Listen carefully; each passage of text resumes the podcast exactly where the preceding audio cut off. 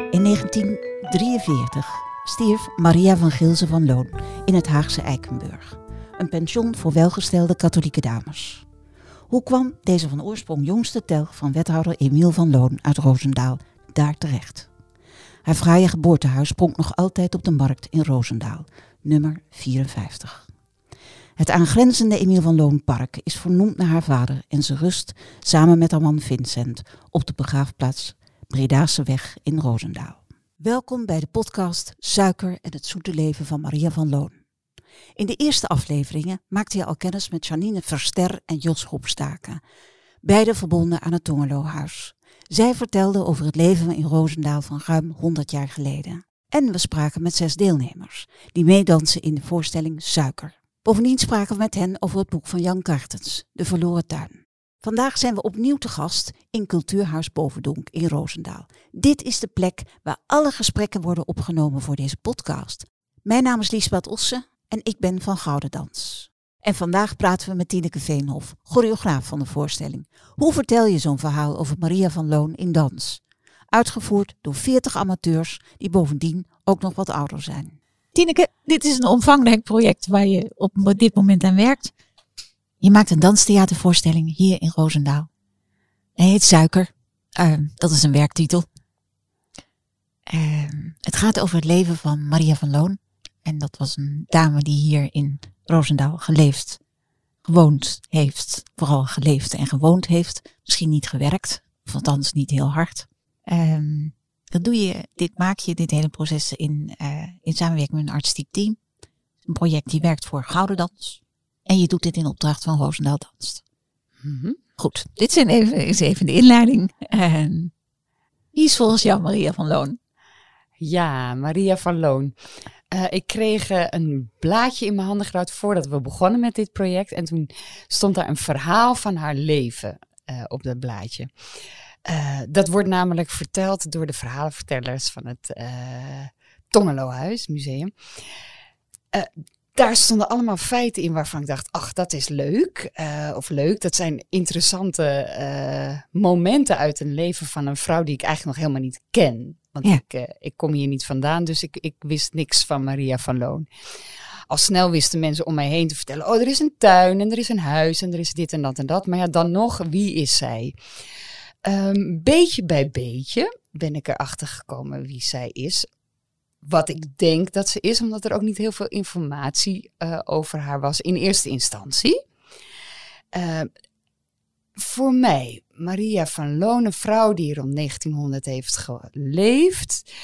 Uh, ze doet mij best wel sterk aan. Een beetje een krachtige vrouw die, die ondanks de regels waarin zij leefde in, in, in haar samenleving, ja, toch wel haar mannetje stond. Um, ze wist zelf met wie ze wilde trouwen.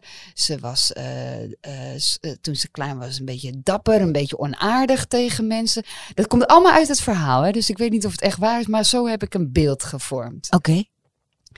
Okay. Um, ze, ze, trouwde met degene met wie ze wilde trouwen. En de dingen die haar uh, in haar leven tegenkwam, die niet altijd even leuk waren, volgens mij ging ze daar gewoon door, verder. ze vond haar manier. ze vond haar manier om daarmee om te gaan. En uiteindelijk uh, ja, is het haar leven natuurlijk best wel naar einde gekregen. Kun je, kun je heel kort samenvatten ja. wie Maria van Loon was? Ja, zeker. Maria van Loon was een, een, een, een dochter van Emiel en Maria. Uh, Emiel uh, van Loon. En dat was een, uh, even denken hoor, wat was hij ook alweer? Hij was een uh, man die graag burgemeester wilde worden, maar het niet werd omdat hij toch in zijn carrière, in zijn werkcarrière, wat foutjes heeft gemaakt. Uh, zoiets is het geweest. Zou kunnen, hè? Details weten we niet, weten geloof niet? ik, hè? Nee, nee, nee, nee. Maar in ieder geval, dat, daardoor is hij geen burgemeester geworden. Um, zij is dus um, door hun opgegroeid. Ze had nog twee broers, die zijn op jonge leeftijd overleden. Waardoor haar moeder een beetje een, een, eh, een verdrietige vrouw is geweest. Daar heeft zij niet heel hard eh, eh, veel van meegemaakt of hard verdriet van gehad. Want zij ging als kind gewoon lekker door in het, in het bestaan. Daar komen dus in de voorstelling ook fragmenten uit, uit haar jeugd. Dat zij altijd voor haar huis een carousel had als het kermistijd was. Want daar zorgde haar vader voor. Dus ze komt uit een vrij rijk en een rijk gezin waar dat soort dingen dus geregeld konden worden. Dat jij ja. paardjes voor je deur hebt als, als het zover is. Um, dus zij ging daar, zij rolde daarin door. Zij is getrouwd met Vincent van Gilsen. Of van de, van de, van de kandij? Van de kandij. Ah, ja, oké. van de kandij. Uh, waardoor zij ook weer opnieuw een belangrijke positie kreeg. Dus, uh, dus op die manier uh, bleef zij natuurlijk in, in de rijkdom van Roosendaal leven en wonen. Um, nou, met, met Vincent ehm, en haar ging het eigenlijk heel goed, maar ze werd niet zwanger. Dus okay. zij, was, zij bleef kinderloos, waarvan ik denk dat, dat haar wel iets gedaan zal hebben. Dus dat zij daar wel de nodige verdriet aan. Helemaal omdat het in die tijd heel normaal was. En eigenlijk voor een vrouw de taak om kinderen te krijgen. En te zorgen dat je dat gezin uh, uh, runt. Dus als je dat gezin niet hebt, wat ga je dan doen? Dat is dan de vraag naar. We weten dat ze muziek, van muziek hield. Okay. Dat ze zelf ook uh, muziek geschreven heeft. Dat gaan we nog uitzoeken om te kijken of we dat in de voorstelling kunnen gebruiken. Um, zij ging met Vincent mee op reis. Dus uh, de zakenreizen die er gedaan moesten worden, omdat zij geen kinderen thuis had, kon zij mee. En dat vind ik dan ook weer zo'n heel krachtig ding van, van een vrouw die dus in die tijd op reis gaat. Uh, en weg uit het, uit het kleine dorpje of de gewoontes waar ze weet. En ze gaat mee daar. Daar ziet ze, neem ik aan, meer van de wereld dan andere vrouwen in die tijd van haar leeftijd. Dat zal ze allemaal meegenomen hebben en haar sterker gemaakt hebben in de dingen die ze deed en dacht en wie zij was, denk ik. Uiteindelijk is Vincent jong gestorven. Dus kwam zij er alleen voor te staan. Zij heeft toen allerlei adviezen gekregen hoe het werk van Vincent door te zetten als bankier. Maar helaas in die tijd uh, ging het fout met, met geld en alles. Waardoor uh, al het geld van de familie wegvloog, uh, dreef eigenlijk. En zij failliet is gegaan. Oké. Okay. En dat is natuurlijk een heel naar einde. Zij moest alles afgeven. En zij is uh, vertrokken naar Den Haag. Weg uit Roosendaal en in Den Haag gestorven. Oké. Okay. Oké. Okay. Ja. Dat is prachtig verteld. Is de, de dingen die je, die je verteld hebt nu, zijn dat ook de highlights die je hebt gebruikt van haar verhaal voor de voorstelling? Want hoe heb je dit vertaald naar een danstheatervoorstelling. Ja, deze, deze punten, deze highlights zijn inderdaad alle punten die ik uit haar leven ken. Uh, en die door ze op papier te zien en door erover te lezen, vrij korte stukjes. Dus het was niet een heel groot, groot ding. Daardoor kon ik er een eigen beeld van maken. En kon ik het voor mijzelf plaatsen in, hè, maar hoe, hoe zou dat voor haar geweest zijn? Dus dat hele Maria van Loon is eigenlijk voor mij een persoon geworden die misschien voor jou of voor iemand anders heel anders andere dingen gedaan zou hebben. Ja. Dus, dus ik kreeg de ruimte om zo weinig te weten over haar, om er een eigen, een eigen persoon van te maken. Ja. Ja. En dat heb ik inderdaad gebruikt in de voorstelling. De, de beelden van haar leven waren zo beeldend. Die ja. kon ik omzetten in beeld, in okay. dans, in, uh, in muziek, uh, in fotografie, wat er gaat komen. Ja. Is want je gebruikt ook uh, in de voorstelling objecten. Je maakt een combinatie van danstheater en objecttheater, of het begin van objecttheater wellicht. Kun je ons, ons kort schetsen hoe je uh, het leven van Maria verbeeldt en daar toch een danstheatervoorstelling van maakt? Hoe, hoe moeten we dat ons voorstellen? Ja, dans heeft, heeft meestal meer een, eh, een, een gelijk een beeld hè, van, oh ja, dansjes, eh, die, die, die, dat weet iedereen hoe het eruit ziet. Maar hoe werk je nou met objecten daarin ook? Ja. Ja. Ehm, al heel snel was duidelijk dat het over, eh, bij haar over een trein, over reizen ging. Er, er komt een trein in voor dat haar twee broers, die speelden altijd met de trein. En zij haar moeder eh, ging altijd naar die trein, naar dat kamertje met die trein, als zij aan haar twee overleden broers dacht. Dus die trein is een, is een ding. Ja.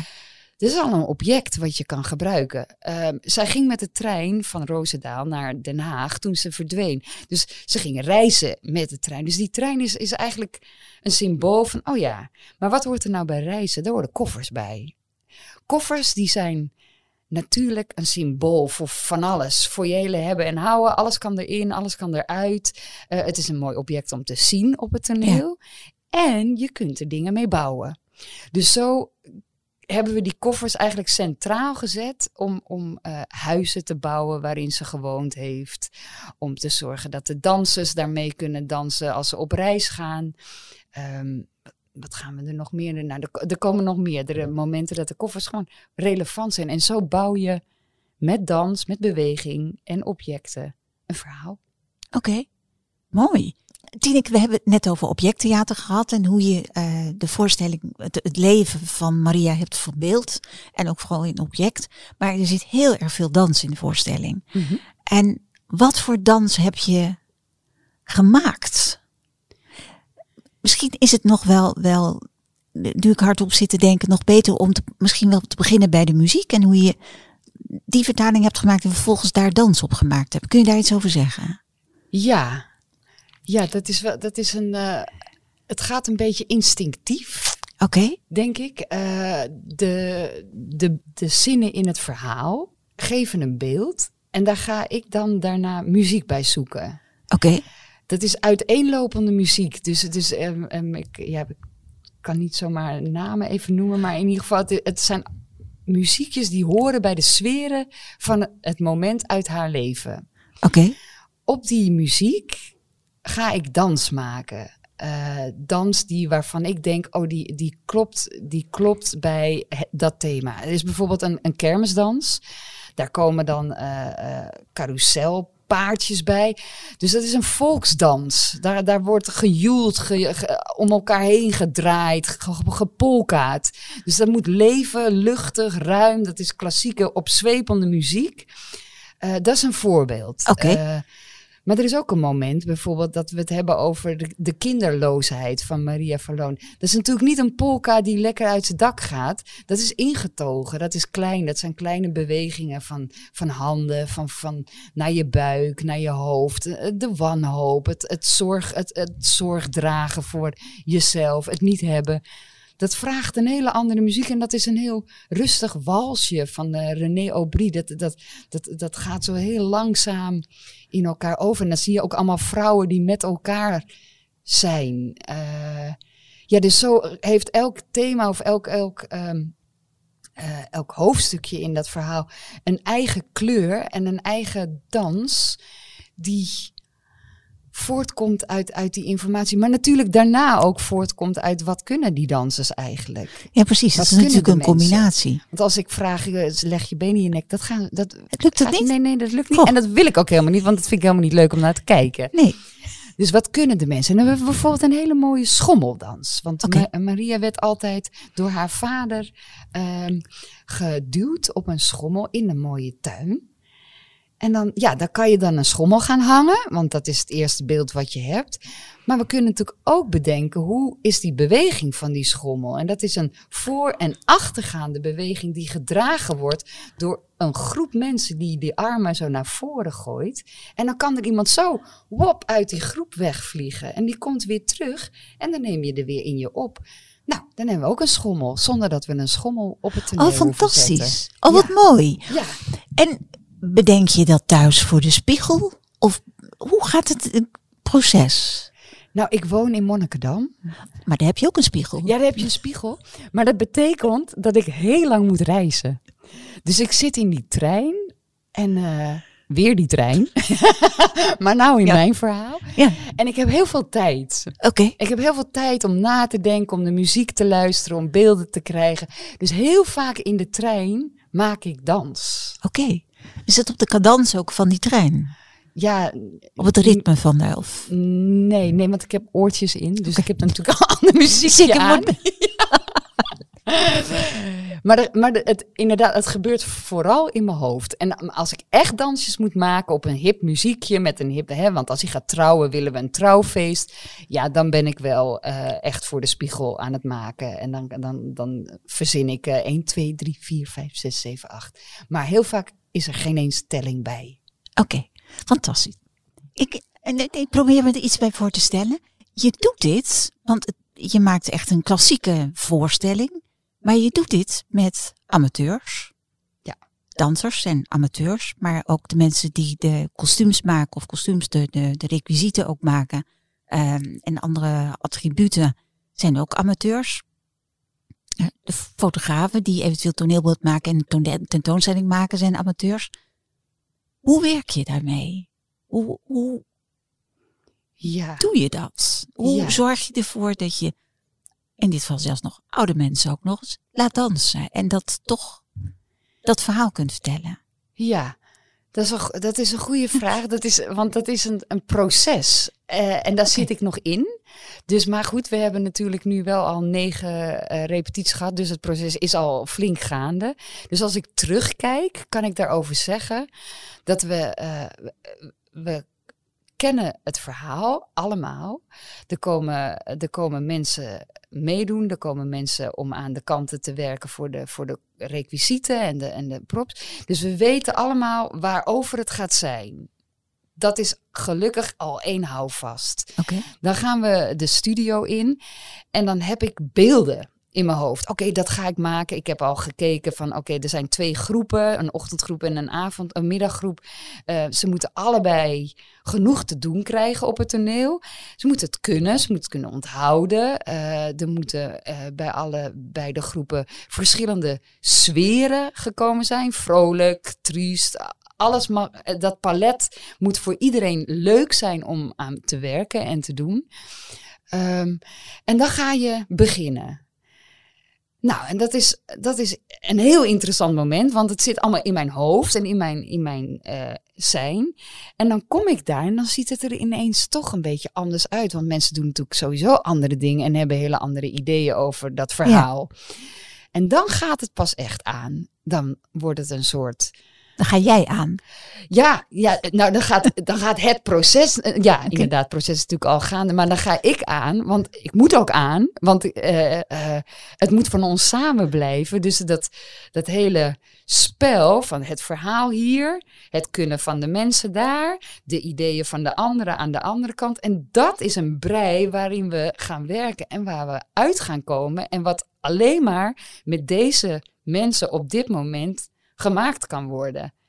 En wat er dan uitkomt, dat is dan ook wat klopt. Wat spannend. Ja, Wat ontzettend spannend. En tussendoor stel je dan ook bij, je maakt iets en dan zie je mensen, denk je, oh, die pas is ingewikkeld. Pas je dat dan gelijk aan of haal je de stukken uit? Je bent dus continu aan het schakelen in je hoofd, lijkt me, om dat in elkaar te zetten. Ja, dat klopt. Ja, want wat je dan op papier hebt bedacht, werkt niet altijd. Ik ben bijvoorbeeld, eh, dat is een heel leuk idee. De eerste keer, ik kende eigenlijk nog niemand of een aantal mensen, maar nog niet zoveel. En ik had in mijn hoofd, leuk, we gaan met kussens werken. Want kussens zijn zacht en die kunnen overal heen. En toen was ik daar en toen zag ik dat die mensen met die kussens liepen. En toen leek het alsof eh, Sinterklaas en de Pieten tevoorschijn hadden getoverd. En dat was dus helemaal niet mooi. Nee. Dus Nee. Dat, moest, dat, moet dan, dat moet dan echt weer weg. Ja. En dat kan dan gelukkig, want iedereen is op dat moment eh, ook eh, alert en over, oh ja, nee, dit is niet goed, we gaan naar iets anders zoeken. Dus als je met elkaar eh, werkt en, en die beslissingen neemt, dan weet iedereen ook waar je aan toe bent en kunnen we verder bouwen. Ja. Ja, dus je begint bij een begin en je gaat in die trein op reis. Ja. En ga- zijn mensen van meet af aan met je, met je meegegaan in dit verhaal? Ik kan me voor, zeker voor, als je niet gewend bent om eh, theater te maken, dat dat best ingewikkeld is vanaf het begin om dat voor je te zien als deelnemer aan zo'n traject, Ja. proces. Ja, ja, en ik vraag ook veel. Want, want als je dan komt en die groep is, eh, wat jij beschrijft, van nou ja, oké, leuk, we gaan leuke dingen doen. En ze moeten ineens dingen doen die misschien helemaal niet leuk zijn of, of waar ze zich niet prettig bij voelen. Eh, ja, dan, dan kan het wel eens zo zijn dat ik echt op de rem moet, om, om, Ja. omdat het ook over hun gaat. Want eh, natuurlijk, je komt als amateur, kom je een leuke en mooie tijd beleven en met elkaar iets moois maken. En als dat dus niet het geval is, dan zit ik niet goed, want ik, ik werk niet met professionals. Het, het gaat over dat het een mooie tijd is met elkaar waarin we iets bouwen. En als dat niet klopt, dan is het aan mij om dat bij te schakelen. Ja. Wauw. Het is een mooi proces, hè? Ja, Ja, het is bijna een voorrecht om zo te werken, toch? zo is het. Weet je niet? Ja, Zoals eigenlijk het, wel. zoals je, wat Ja. je nu schetst, denk ik, wauw. Ja. Ehm, even, even terug. Heb je hier bijvoorbeeld ook, want je, want je schreef, beschreef in het begin van ehm, dat je het script hebt geschreven eigenlijk op basis van het verhaal van de verhalenvertellers. En heb je je ook verder verdiept in Maria of juist eigenlijk helemaal niet? Dat je dacht van nou, ik moet er niet te veel van weten, want dan wordt het alleen maar lastiger en complexer. Kan, kan ik me zo voorstellen, of heb je in één keer alle streekromans van Roosendaal gelezen? Nee. Had ik we- misschien wel moeten doen, want er is nog veel meer over te vinden. En nu we bezig zijn, kom je achter dingen die echt super boeiend zijn. Maar ehm, misschien is dat voor de volgende voorstelling. Het is al zoveel eh, informatie genoeg om, om en nou ja, wat we net al zeiden, met amateurs, met mensen die je eigenlijk nog niet kent, met een hele eh, creatieve club, ehm, aan iets te gaan werken. Dan is het eigenlijk stiekem ook wel fijn dat het een dun lijntje is, omdat je dan alle kanten nog op kan en nog vrij bent om eh, een interpretatie net een beetje anders te maken dan de werkelijkheid. Dat snap ik, daar kan ik me iets bij voorstellen. Ja. Ja. Ehm Tineke, je, je, ehm, je maakt dit proces natuurlijk niet alleen. Je doe je met een, met een heel creatief artistiek team. Kan je ze kort na even langslopen met wie je dit proces doorloopt? Ja, eh, het artistieke team bestaat onder andere uit eh, Saskia de Vrel. Zij is eh, beeldend kunstenares. En zij gaat met mensen die ook meedoen aan de voorstelling. En wat mensen die, die niet op te willen treden, maar wel dingen willen maken. Zij gaat werken aan decor en props en aan de kostuums. Dus alles wat wij nodig hebben op het toneel. ehm, aan nou, koffers die, die op net op een andere manier of een andere kleur moeten krijgen. Pompons, eh, hoeden die, die allemaal mooi gemaakt moeten worden omdat er rijkdom moet zijn. Die maakt zij met de mensen. Dus zij is, elke week is zij ook in een atelier bezig om eh, voor ons mooie dingen te maken. Dan is Hans Hoordijk. Hij is een eh, fotograaf. Hij maakt sowieso altijd de, de PR-foto's voor Gouden Dans. En hij is ook verbonden dus aan dit project nu. Hij gaat daar eh, met deelnemers die dat willen eh, foto's maken. En hij heeft als opdracht gekregen om de objecten die wij in de voorstelling hebben te koppelen aan locaties van Gouden Dans. Want het speelt zich eh, van Gou eh, Roosendaal, pardon. Want het speelt zich hier natuurlijk alles af. En daarbinnen foto's te maken die gecombineerd kunnen worden aan de, eh, aan de voorstelling. Dus die op het achterdoek eventueel toneelbeeld. bij als- kunnen dragen aan wat er gezegd gaat worden. Dus de objecten die wij gebruiken zijn misschien, we moeten kijken hoe het uitpakt, ook nog terug te zien in de voorstelling. Oké. En zij hebben ook een eigen, ehm, een eigen tentoonstelling. Wat leuk. Dan is eh, Karin Lucassen, eh, die, die werkt ook mee. Die is eh, vooral voor mij een beetje aan de telefoon om mee te sparren. Zij komt af en toe naar repetities kijken. En nou, dus zij kijkt voor mij of het, of het nog klopt. Of er, of er nog attributen moeten komen die ik, waar ik niet over nagedacht heb. Of dat het misschien juist net een andere kant op gaat. En dat doe jij trouwens ook, Lisbeth Ja. Osse. Ja, hè? jij nog zelfs nog een beetje meer, want jij hebt het helemaal bedacht hier, het hele, het hele verhaal. Maar daar gaan we het denk ik een keer over Gaan we hebben. een als volgende het, eh, keer over Als we het met Gouden Dans eh, bespreken. Ehm, dan heb ik ook nog eh, een andere maker naast me. En dat is eh, Mirjam Visser. Zij gaat eh, ook met de groep werken. Zij maakt een onderdeel van de voorstelling. Een, een dans die ik nog niet gemaakt heb. Die gaat zij in de zomer maken. En dan aan het eind komen we bij elkaar en maken we samen het geheel af. Wat spannend. Ja. Is Mirjam dan meer een soort repetitorachtige figuur? Of Ja, dat zou je zo kunnen, kunnen zien. En zij gaat inderdaad ook de dansen die we al gedaan hebben doen. Maar ze maakt ook zelf. En dat maakt haar niet een repetitor. Want een repetitor is vooral degene die, die Ja. zorgt dat dat wat er is eh, gerepeteerd wordt. Dus zij gaat ook echt als maker nog eh, aan de bak. Ja. dit is wel heel bijzonder. Zeker. Deze, deze samenstelling van mensen. Ja, En Ja. verder, ik, dat heb ik me laten vertellen, is dat je ook met werk van Gea Korpel werkt. klopt. Kan je daar iets over zeggen nog? Ja, ja haar kunstwerk eh, was eh, in Roosendaal te zien. En eh Roosendaal danst, eh, Adrienne. Zij zag de kunst van, eh, van Gea en zei, nou, dat, dat, dat kan heel mooi bij onze voorstelling komen. Het zijn namelijk, het is van wol, van oude wol gemaakt, gehaakt. Ja, Ja, ja gehaakt. Ja. Ja. Eh, gehaakte eh, objecten zijn het allemaal en het lijken net suikerklonten. Oké. Dus die, die passen prima in het verhaal van Suiker en, en die Van Geelse familie.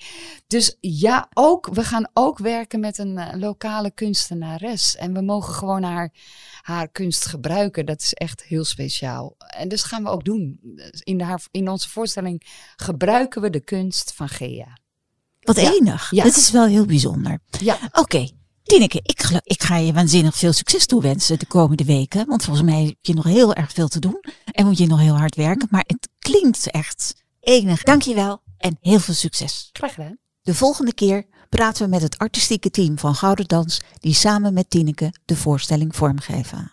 En dan is het nu tijd om te dansen. In de voorstelling trouwt Maria met haar Vincent. En op het huwelijk dansen ze een fraaie huwelijksdans. Mirjam Visser maakte op muziek van G. Bijvoet een geweldige dans. Zij praat u er doorheen en ze danst met u mee. Ga staan, houd een stoel bij de hand en daar gaan we. En naar voren. En naar achter. En zet je armen opzij en twist hem maar. Dus de heupen heen en weer. En dan maken we een hele grote cirkel met de heupen en een rondje. Hartstikke mooi. Oké, en sta maar weer even recht. En adem maar weer even in. En uit. Schud je armen los. Gaan we naar de volgende. Die is wat mo- moeilijker. En stap naar rechts en pak iets en zet het in je zij. En pak iets en zet het in je zij. Ja, heel goed. Herhalen we nog een paar keer. En door. Ja, heel goed. En dan wapper de haar uit je nek. Rechts en links. En rechts en links. Kan het wat sneller? Dus rechts en links en rechts en links en rechts. Tot zover deze aflevering van de podcastserie Suiker en het zoete leven van Maria van Loon. Kijk voor meer informatie over Roosendaal Danst op www.roosendaal-danst.nl. Deze podcast is mede mogelijk gemaakt door Klemtoon Media, jouw partner in podcasten.